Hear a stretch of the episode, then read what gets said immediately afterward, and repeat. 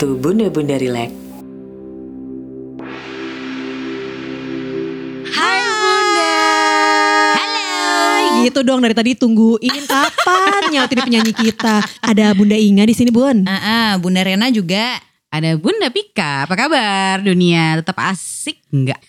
Eh, Bun. Ah, gimana Polusi disco? banget nih, Beb. Bunda Bun. disco. Iya, maksud gue, gue kadang-kadang ya waktu zaman kita disco-diskoan gitu ya, nggak tahan sama asap rokoknya gitu Eh loh. iya, iya bener. Parah banget sih asap rokok. Hitam banget Hari-hari.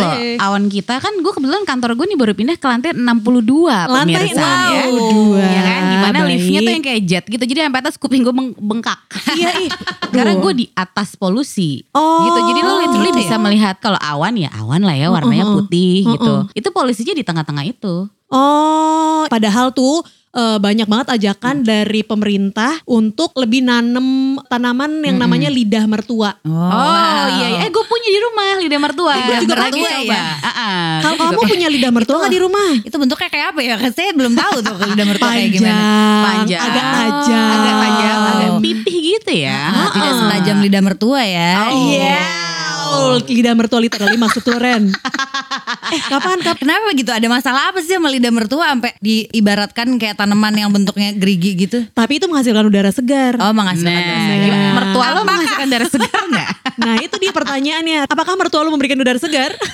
Gila gue. Mungkin kan orang banyak bermasalah mertua apa segala macem. Gue tuh kayak alhamdulillah ya dapat mertua yang kayak sangat zen gitu loh. Kayak Oke. Chill gitu. Maksudnya ya dia tipenya tuh meringsungkan atau merungsingkan Nah, dan dan lo. lucunya lagi, dia ulang tahunnya cuma beda dua hari sama gue. Oh, cute. Lo kelihatan kan, gue emang chill banget. Mertua gue juga chill banget Ih jadinya. mertua gue, papa mertua tapi ya. Papa mertua gue bedanya cuma literally tujuh hari seminggu ulang tahunnya sebelum gue. Wow, Tahunnya tahun sama. kelahiran.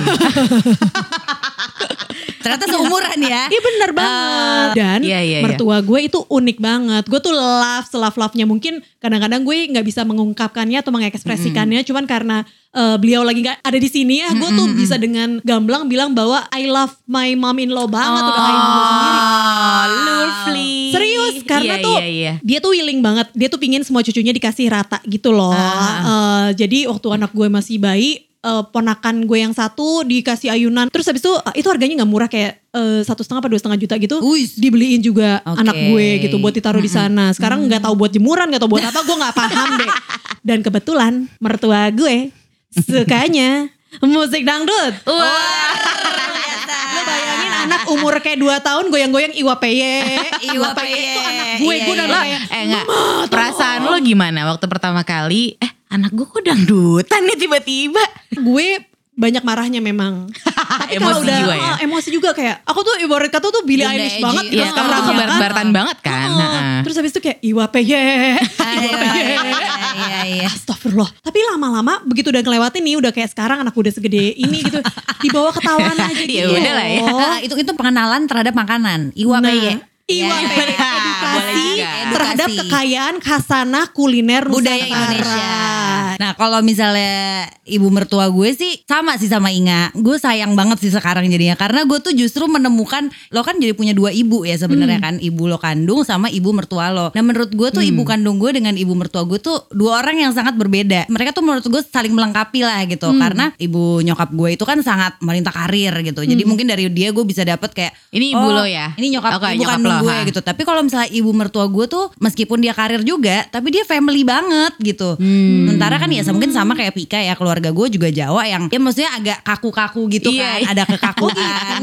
Gimana ya? Kenapa kayak gitu ya kalau Jawa ya? Iya karena kalau di Jawa mungkin maaf ya ada sungkan, Mungkin, ya kan? iya. Dan ada ada rasa hormat gitu. Benar, gitu. sebenarnya Jadi sih- itu yang selalu dijaga sih. Iya Hmm. sebenarnya kalau misalnya ya di Padang pun gue yakin pasti ada sungkan dan hormat kepada orang tua juga. Cuman pendekatannya tuh beda, Beda, gitu. Dan ah. kayak semua tuh di meja makan harus makan bareng terus kayak dibikin fun banget di meja makan dengan makanan yang macem-macem gitu. Menurut gue gitu nggak ada di keluarga gue. Ah. jadi ya gue seneng sih kayak terus ibu mertua gue kan alhamdulillah dia islami banget ya seperti layaknya ibu-ibu Minang lainnya ya. Alhamdulillah. alhamdulillah jadi kayak ngingetin selalu gitu pokoknya apa pun jangan lupa sholat jangan tinggalin sholat Rena jangan karaoke malam-malam, live music ya kan. Jangan lupa tetap sholat besoknya nah. sholat tapi Tapi yang pas lagi pemilihan presiden gitu-gitu. Nah, itu. Nah, untungnya tapi dalam hal itu nyokap kandung gue sama ibu mertua gue sejalan ya. Oh, lumayan. Nah, Alhamdulillah. sejalan. Jadi iya, alhamdulillah ya tidak ada perpecahan ya. Alhamdulillah semua baik-baik aman ya. Semua aman ya, aman, ya, aman ya. aman, Iya. aman, aman. Itu Iya. penting banget tuh. Aduh tapi eh, tadi pas Rena bilang kalau misalnya punya ibu mertua, lo jadi punya sosok ibu yang lain gitu ya. Aduh gue ngerasain banget karena ya, ya bapak ibu gue kan udah nggak ada gitu Iya. ya. Jadi pas eh, pas nyokap gue nggak ada tuh gue berasa banget sih punya ibu mertua. Maksudnya apalagi pas gue melahirkan ya, Bo, itu kan kayak lo butuh support luar biasa dari eh, orang tua lah gitu. Itu gue ngerasain banget sih dan sangat bersyukur eh, sama ibu mertua gue gitu. Ibarat kata mertua aku adalah surgaku gitu ya. Ah, tapi kita tapi ya banyak juga orang yang gak seberuntung kita gitu loh. Iya ya. Kita masih beruntung ya maksudnya kayaknya nggak ada masalah yang terlalu gimana gitu kan mertua alhamdulillah baik-baik aja aman-aman aja. Nah pas kita buka cerita nih lewat Instagram at podcast Bunda Rilek yang kita semua sudah follow dan Yeay. Bunda yang dengerin harus banget follow mudah-mudahan bermanfaat tuh karena banyak di luar sana yang punya cerita pedih termasuk yang di share nih ke Instagramnya Pika nih. Ceritain dong Pik teman lo soalnya eh, memang setelah kita ngobrol-ngobrol eh, mempercayakan ceritanya ke kita. Nah makanya ini satu cerita yang eh, sedih juga dari temen aku gitu ya, yang di mana kita udah minta izin ya eh, untuk untuk ceritanya kita share di sini. Em, dia emang pengen ngeluarin unek-unek sih kemarin dia bilangnya gitu, gue pengen cerita dong gue sekalian. Kenapa gitu? Nggak apa-apa sih, gue cuma pengen mencurahkan masa lalu gue aja karena Oke. dia bilang ini nggak ada yang tahu. Eh, cuma kayaknya udah saatnya gue sharing supaya gue nggak makin gila gitu dia bilang gitu. Terus gue agak merasa tersanjung ya di situ ya. Heeh. Apakah karena aku lebih gila dari kamu? Kamu ingin bercerita padaku? Tersanjung Iya, jadi artinya kan ini kan satu base kenapa kita bikin podcast ini ya, Iya, yang iya, adalah iya. kita pengen menjadi forum yang aman dan nyaman buat para bunda yang mungkin lagi menghadapi sesuatu yang hebat di hidupnya, untuk bisa sharing dan dari sharingan itu bisa merasa lebih lega gitu, Mm. karena dia tahu bahwa kita selalu akan ada buat bunda-bunda di luar sana. Betul. Gitu. Ibaratkan kita seperti gorong-gorong ya. Memang kayak mengalir meskipun ya daripada mampet Kenapa gorong-gorong selalu- ya sister ya? Nggak tahu. Dia dia nggak tahu kenapa. Oke, gorong-gorong satu boleh ngomong? Oke, cabai dua, yuk masuk. Dong gue cabai dua. Ya waktu kita pertama kali nikah ya sebenarnya kan pondok mertua indah mah udah biasa aja kali Iya. ya. Ya kan kita kan tidak tiba-tiba serta merta hidup eh, lahir di istana gitu ya. Bu. kita tuh lahir tidak dengan KPR guys. terus Iya iya iya. Jadi kalau misalnya perju- salah satu perjuangan yang sangat common setelah menikah adalah eh, tempat tinggal. Betul. Ya kan tempat lo mau tinggal di mana? Ya, ya, di dalam budaya budaya Asia kita ya orang tua kita ya masih welcome kita di rumah Ah, gitu kan. betul. Bahkan ada beberapa adat istiadat yang ya udah pokoknya lo boleh boleh keluar setelah lo menikah gitu. Pun kalau lo menikah kalau bisa tinggal sini kenapa enggak? Iya, gitu. karena kan nemenin orang tua Bener sayap ceritanya. kanan bisa kok kamu tempatin. Iya, rumahnya mention Istana ternyata. sayap kanan Sayap kanan. bola. Temen lu nah jadi kenapa di temen gue rumah? ini uh, kondisinya adalah um, suaminya itu kerjanya di oil. Hmm, oil berminyak kan tuh dia. Berminyak kayak kita semua nih minyak kan. Gitu. Nah dia kerja di oil di mana dia di harus bertugas di site. Biasanya kan kalau site ya pasti dilepas pantai lah ya Iya. gitu kan di mana nggak ada sinyal gitu dan nggak bisa yang kayak sehari dua hari. Jadi kalau dia pulang pun paling cuma seminggu dua minggu gitu di rumah gitu. Nah teman gue ini tuh harus banget tinggal di situ. Jadi ibu mertuanya ini maunya dia tinggal sama ibu mertuanya. Jadi nggak boleh tinggal di rumahnya sama ibunya. Oh. Jadi lo kan udah menikahi anak gua, lo menjadi istri anak gua, anak gua adalah imam lo, ya lo harus tinggal di rumah imam lo itu, which is rumah gue sekarang, kata ibu mertuanya. Jadilah dia harus meninggalkan kehidupan dia yang nyaman dengan keluarganya ke rumah suaminya. Nah, dia eh, sebelum menikah itu nggak ada masalah sama orang tuanya. Lagi-lagi ya, kita kan sesuatu masalah yang nggak tahu sampai lo tinggal bersama Iya, gitu, betul. karena ada kebiasaan-kebiasaan yang mungkin berbeda dari kita. Yes. Nah dia di dalam cerita ini dia bilang iya gue pas pindah ke sana sih biasa-biasa aja ya Bo karena eh, gimana dong suami gue masih ada sama gue nih gitu. Jadi semua manis. Eh, biasa aja dia juga nggak ada perasaan yang bakal takut tinggal sama ibu mertuanya nggak ada. Tapi ketika suaminya pergi ke site ibunya berubah Oh, 180 derajat gitu. Gila. Seperti Eh, Cinderella ya. Seperti apa? Iya. Pas ditinggal Dia jadi labu. berubah. Belum Agak sampai ngeri, ke situ sih, ya. Mbak. Terus terus Iya, jadi eh, ternyata setelah suaminya nggak ada, ibu mertua ini memperlakukan dia seperti pembantu. Mohon maaf ya, mohon maaf, bukan mengesampingkan gimana, tapi dia tidak dianggap sebagai anaknya. Jadi seperti? em, seperti ya di cerita sama gue lo tau gak sih Bo gue kalau di rumah ya ada mbak, mbak pun disuruh masak, tapi nggak pernah buat gue. Jadi porsi di rumah itu makanan dimasak hanya buat ibunya aja. Satu porsi Satu doang. porsi aja dan dia hanya makan yang sisaan aja. Itu pun kalau ada. Oh, Gila, serius loh. Wow, wow, wow. Wow. Gimana ya? Gue Wow, rumahku semua orang harus kena makanan. Wow. WOW. Terus eh, kalau misalnya dia makan nih di kulkas ada apel, ada apa, dia apel misalnya ada lima nih ya bu, lima. Dia makan nih karena kelaparan ya kasihan banget gak sih? Kasian cuy. Makan nih malam makan satu apel, besoknya ibunya WhatsApp atau SMS. Eh, tolong itu kalau misalnya makan yang di lemari es diganti. Oh wow. Wow. Sistemnya kayak di hotel begitu ya. Kalau nggak dicas. Dicas Iya, bener-bener. Akhirnya Dicas ya. dia udah nggak tahu gimana caranya. Pokoknya jadi dia udah nggak bisa makan lagi dari kulkas karena karena ya udah mau ganti. Akhirnya dia mau ganti. Untungnya sih dia masih dapat transferan dari suaminya. ya. Itu kan paling kalau udah ada uang buat mengganti gitu. Terus udah gitu kalau mbak, nah mbaknya ini tuh suka pulang katanya. Jadi kalau weekend tuh mbaknya suka pulang ke kampungnya.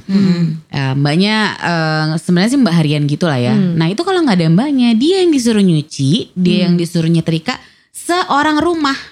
Jadi ya kolor babenya, kolor adik suaminya itu Wow. juga dia yang nyuci. Lu bayangin gak sih? Gue Serius gila gimana ya? Ya masa kalau misal hubungan lo baik dalam dalam dalam spirit membantu ya oke Iya, lah. Tapi kalau diperlakukan seperti itu ya gimana? Nggak dikasih makan, nggak ditegor. Terus ibunya suka ngemol dia nggak pernah diajak. Em, terus dia nggak boleh ke mana-mana. Jadi eh, pun dia izin mau keluar gitu, mau ngemol, mau ke rumah ibunya, gak boleh. Itu gue ngerasa itu based on dendam masa lalu. Mungkin dia diperlakukan kayak gitu. Dia ngerasa Waktu semua dulu ya? perempuan, eh-eh, semua perempuan tuh harus bisa ngurusin rumah, ngurusin suami, masak segala macam. Disiksa dulu deh lo biar lo ngerasain jangan enak-enakan doang lo ngawinin anak gue yang gitu Yoi. kan. Kayak dipelonco dulu gitu ya. Nah, Mungkin ya, Iya kita kan nggak kan? tahu tapi itu Mungkin, nggak painful tahu ya. experience banget. banget dan dia saat itu merasa gue harus gimana nih apakah gue harus cerita sama suami gue gue kan nggak bakal tahu dia on which side kalau misalnya dia di sisi ibunya gue selesai dong Hmm. Iya, kan? Satu banget. sisi kan gue masih perlu suami gue juga Hmm. cuma lama-lama dia sakit jadi dia um, Gila. ya tiba-tiba suatu sih. waktu tu- eh, apa namanya eh, tulang punggungnya itu sakit terus dia nggak bisa bangun segala macam sampai dia vertigo Mhm. Terus akhirnya dia ngecek ke dokter, ya kebetulan suaminya pulang, terus dia ngecek ke dokter segala macam, sampai dokter harus MRI dan lain-lain karena memang tidak ada indikasi apa pun. Alhamdulillah ya, bukan karena penyakit berat atau apa. Dokternya nih akhirnya bilang gini ke suaminya, ada di mana dia bersyukur banget dokternya menyatakan demikian. Dia bilang, Pak, istri bapak ini tidak apa-apa. Sumber dari penyakit istri bapak itu dia itu depresi berat. Jadi coba deh Bapak mungkin ngobrol sama istri Bapak mungkin ada sebuah peristiwa yang eh, dia alamin yang nggak bisa diomongin ke Bapak. Dokternya ngomong gitu. Jadi gimana ya eh, dia ngerasa itu suatu jadi jalan buat dia akhirnya bisa cerita dan curhat ke suaminya gitu. Tapi untungnya pas dia cerita ke suaminya terbuka tentang ibunya, suaminya cukup pengertian. Eh, akhirnya mereka memutuskan untuk pindah rumah. Oh, Gitu. Jadi setelah dua Alhamdulillah. tahun tinggal di Itu ya. situ, Tapi dia pindah rumah. ya. Dia pindah rumah nih, nggak nyampe tiga bulan dia hamil. Gitu. Jadi memang semua unek-uneknya tuh udah nggak ada. Dia merasa lega, dia merasa lebih bahagia. Ya alhamdulillah dikasih Waktu yang terbaik pula. waktu yang terbaik gitu pula. ya. Gitu dia akhirnya dikasih momongan yang di mana akhirnya di mana-mana cucu kan perekat ya, gitu. Jadi lah akhirnya punya cucu yang manis, yang lucu gitu. Akhirnya ya udah sekarang hubungannya udah baik-baik aja. Gitu. Oh, tapi temen lu menyikapi dengan tanpa dendam kan? Tanpa dendam, mm-mm. Dua Tapi tahun sih pahit sih. Pahit sih. Tapi dia menyimpan banget masalah ya. Maksudnya tipenya mungkin belum bisa mengeluarkan ke orang atau mungkin karena sensitif itu adalah ibu mertuanya dia jadi dia mungkin agak sulit gitu ngomongin ke orang Iya. lain gitu ya. Atau Itu mungkin dia takut ngerasa dia salah. Oh gini gue manja Mungkin. kali ya segala macam. Ih gue sebelum kawin udah dikasih tahu tuh nyokap gue udah ngomong ke yoga tuh. Eh ingat tuh gak bisa ngapa-ngapain loh. Serius? Ingat tuh gak ada skill di rumah loh yoga. Iya Coba deh. dia tuh skillless. temennya Skrillex. Iya. Bener-bener gak bisa ngapa-ngapain. Kamu yakin? Digituin sama nyokap gue. Ya realistis aja emang gue gak bisa masak. Gue gak, gue tuh cuma jago beres-beres. Tapi juga jangan ngarepin gue beres-beres guys. Oh, iya. Udah Iya, iya, buruk-buruknya iya. aja Eh, gitu tapi loh. Inga kan bisa nge-MC. Nyari duit sendiri. Bisa cari duit sendiri. Jadi Amin. lumayan lah ya kayak Inga ini gak bisa ngapain tapi tetap cuan. Cuan instai. Iya, nah jadi dari dari cerita yang tadi udah kita share, em, Yang udah dan- masuk ke udah Instagram masuk ke kita DM juga. Instagram kita dan dari pengobrolan gue dengan beberapa teman-teman yang sharing itu, satu hal yang paling penting ketika menghadapi masalah eksternal dari rumah tangga kita adalah kerjasama berdua antara suami dan istri. Asli. Ya sih Jadi apa pun yang terjadi, apa pun masalahnya, segimana hebatnya badai, kalau antara kita berduanya beres dan saling menguatkan dan saling terbuka komunikasi dan juga mau menerima uh, segala beban berdua, insya Allah niscaya uh, segala masalah bisa dihadapin. Oke. Gitu. Tuh. Jadi semua masalah yang terjadi tadi, alhamdulillah sih endingnya bahagia di mana. Nah, itu yang paling penting karena ada prosesnya sehingga bisa menemukan kebahagiaan dan lebih appreciate kebahagiaan yang didapat. Jadi Bun, Kalau misalnya kita udah pacaran serius gitu kan di usia dewasa sekali lagi udah siap untuk berumah tangga, yang diicip-icip jangan laki lo doang. Mertua lo juga lo encer. Terima kasih telah mendengarkan podcast Bunda Bunda Relax. Ingat, kalau belum yakin, buanglah di luar Bun.